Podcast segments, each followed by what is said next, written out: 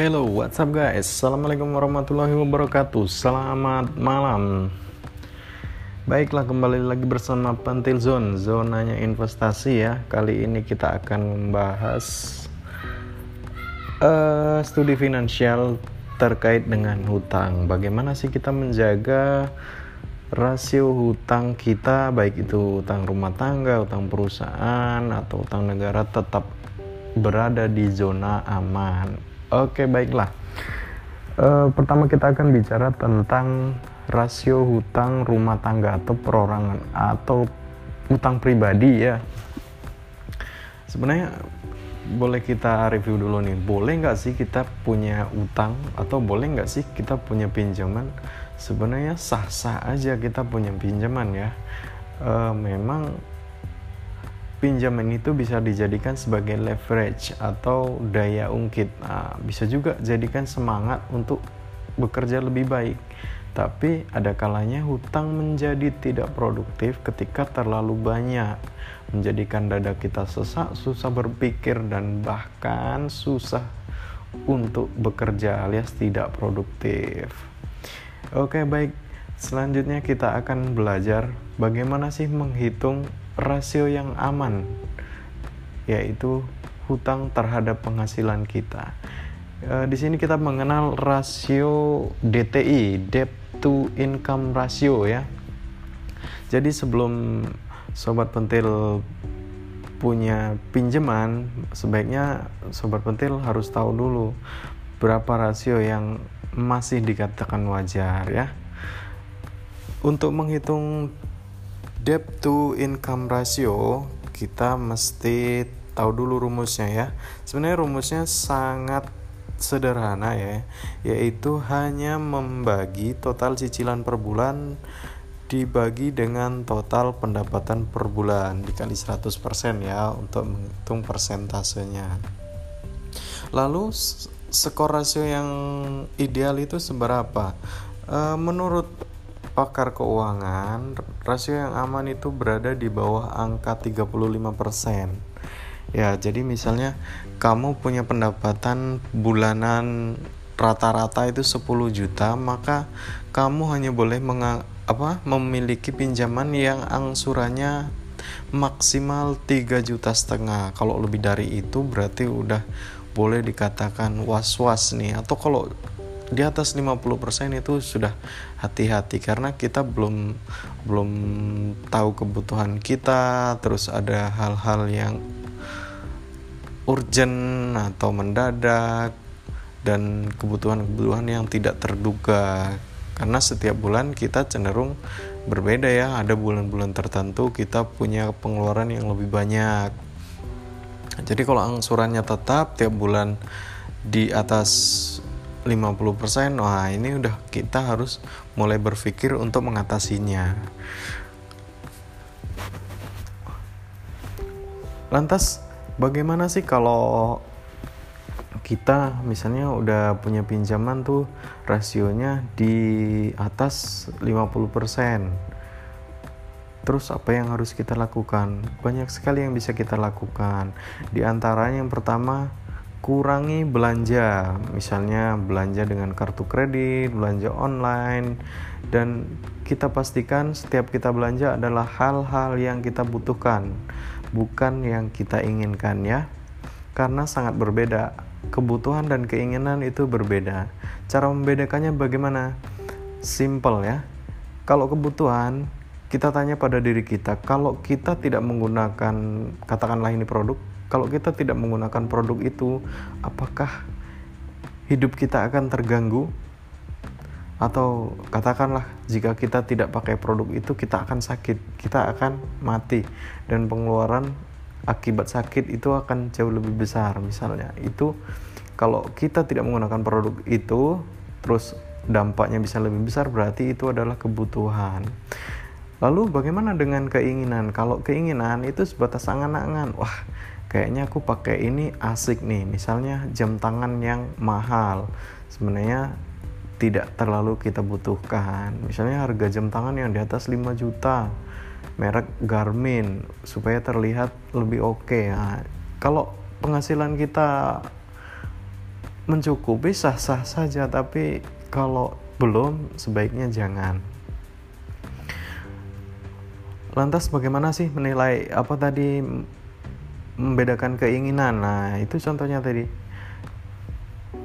Kemudian misalnya kita udah punya baju nih pengen baju supaya terlihat ngetren. Ah, kita beli akhirnya padahal itu bukan kebutuhan.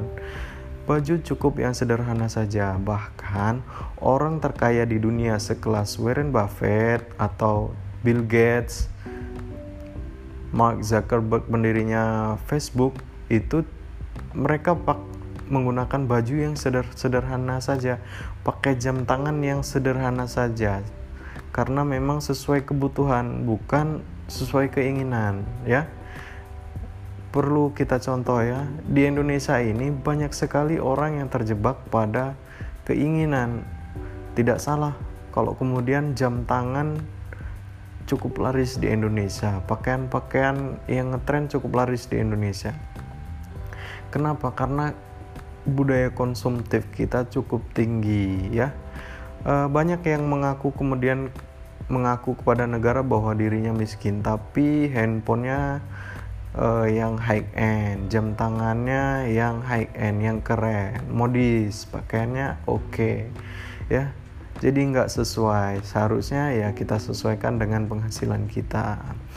Terus selanjutnya bagaimana mengurangi rasio utang kita yang kedua dengan menutup sebagian. Yang misalnya angsuran kita kok terasa lebih berat karena rasionya misalnya di atas 50% ya tidak ada salahnya kita menjual aset yang kita punya.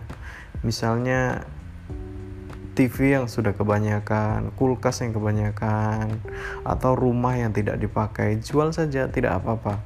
Tutup sebagian dan sebagiannya bisa kita angsur. Loh padahal kan kita beli rumah mahal nanti takut mahal ya. Saran saya lebih baik begitu. Karena apa? Karena kita tidak tahu ya. Karena kita tidak tahu untuk apa kita punya rumah double-double ya. Kita nggak tahu besok bakal bisa menikmati atau enggak kan oh saya kan untuk anak saya. Percayalah bahwa setiap yang lahir ke dunia termasuk anak kita sudah membawa rezekinya masing-masing. Jadi kita nggak perlu takut. Kita simpan investasi untuk anak kita tapi memberatkan kita. Ujung-ujungnya nanti kita tidak mampu membayar uh, kita bangkrut. Alih-alih anak kita punya rumah justru tidak bisa sekolah.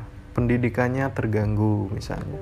Ini bisa berdampak lebih jauh misalnya anak jadi minder dan sebagainya karena lilitan hutang rumah tangga keluarganya ya.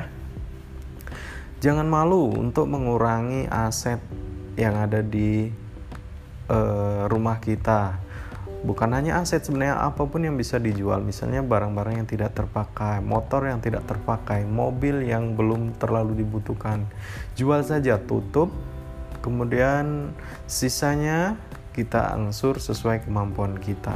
Dengan begitu, keuangan kita akan lebih sehat, pikiran tenang, dan kita bisa bekerja lebih kreatif. Dengan bekerja lebih kreatif, kita lebih produktif, dan insya Allah karir kita akan jauh lebih bagus, ya.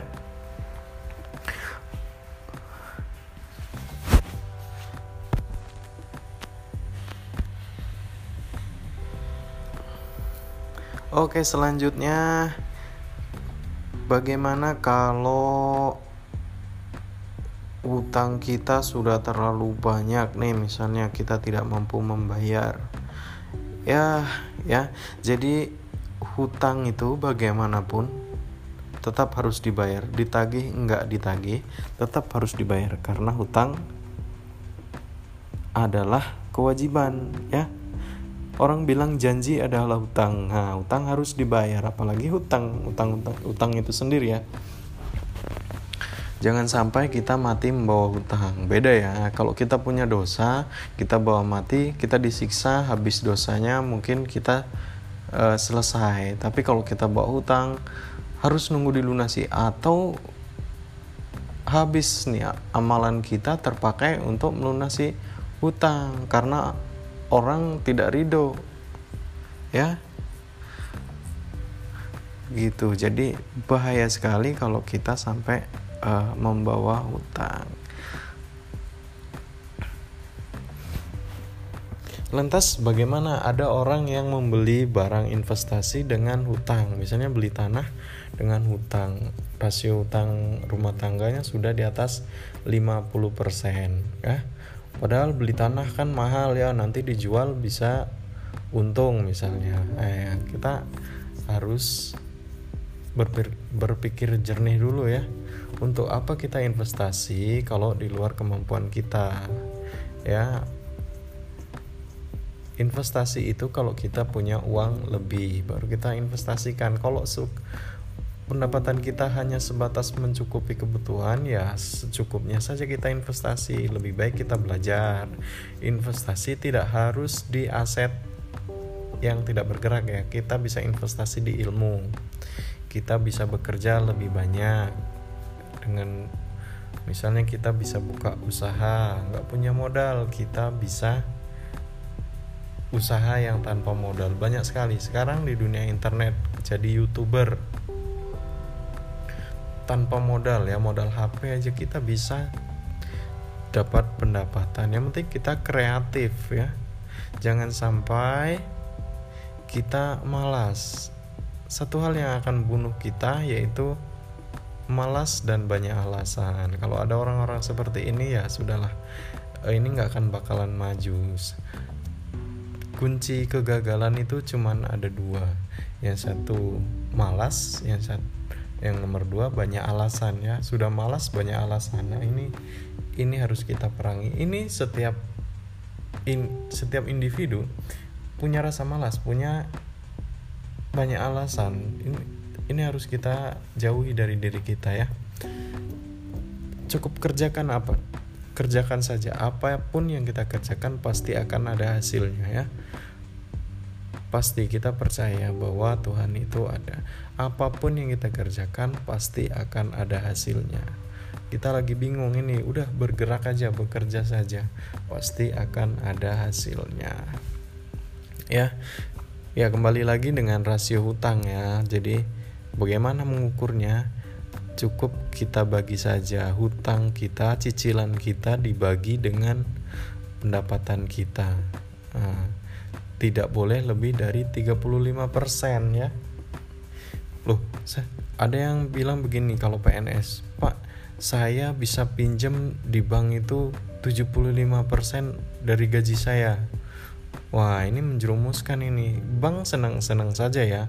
Uh, dia mengucurkan pinjaman karena memang ditarget ya bank itu ditarget untuk mengucurkan pinjaman. Makin besar dia bisa menyalurkan pinjaman maka potensi keuntungan yang akan didapat juga semakin besar. Jangan kita tergiur kalau memang belum kebutuhannya sampai sana nggak usah dulu. Karena uang yang kita pinjam bisa habis eh, cuma-cuma tanpa menjadi barang yang kita butuhkan.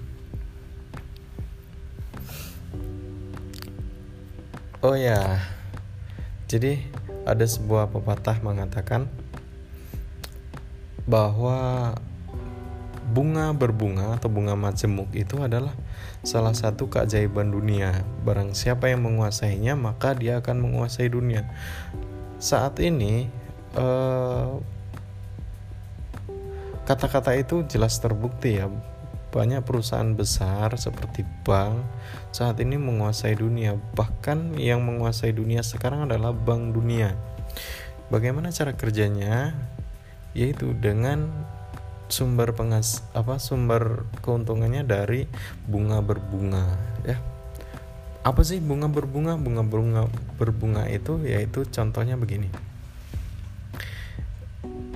Uh, kita nyimpan uang di bank dapat setiap bulan kita katakanlah dapat bunga 5% dari bunga itu nanti setiap bulan kan bertambah di saldo kita.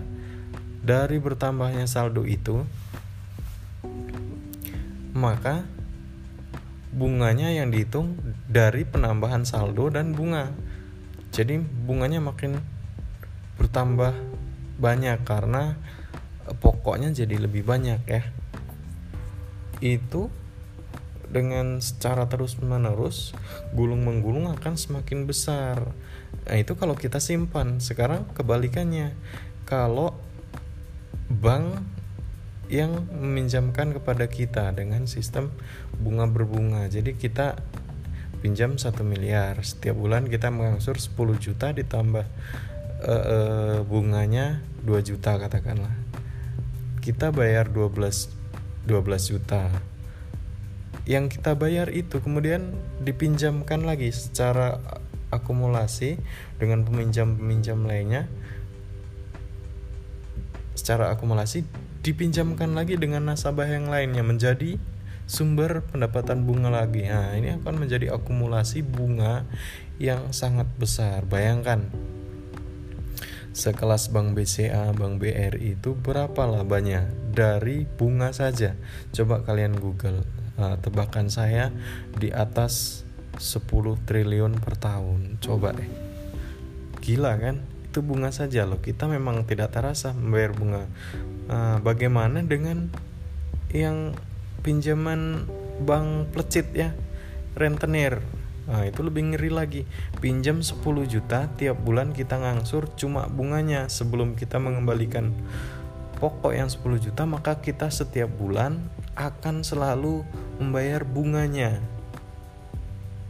Walaupun hanya 100 ribu setiap bulan, tapi selama kita tidak menutup pokok yang 10 juta maka bunga akan tetap dibayar bahkan bisa sampai seumur hidup. Nah, itu tentu saja luar biasa. Selain dapat dosa, ah, kita mengayakan orang lain. Orang enak, kita sakit. Kita sakit bekerja untuk mengkayakan orang, ya. Dapat dosa lagi ya, jadi berlipat-lipat dosa kuadrat ya.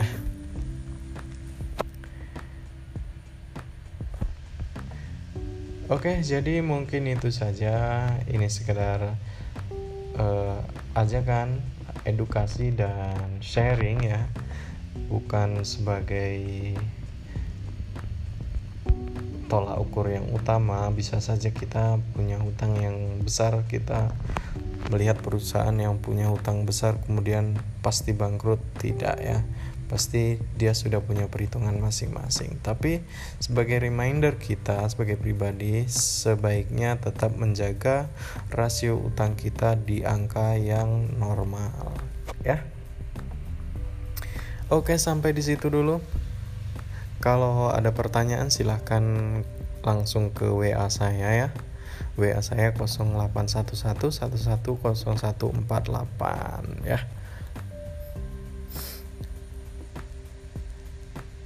Saya tutup dulu. Assalamualaikum warahmatullahi wabarakatuh. Sampai ketemu di lain session.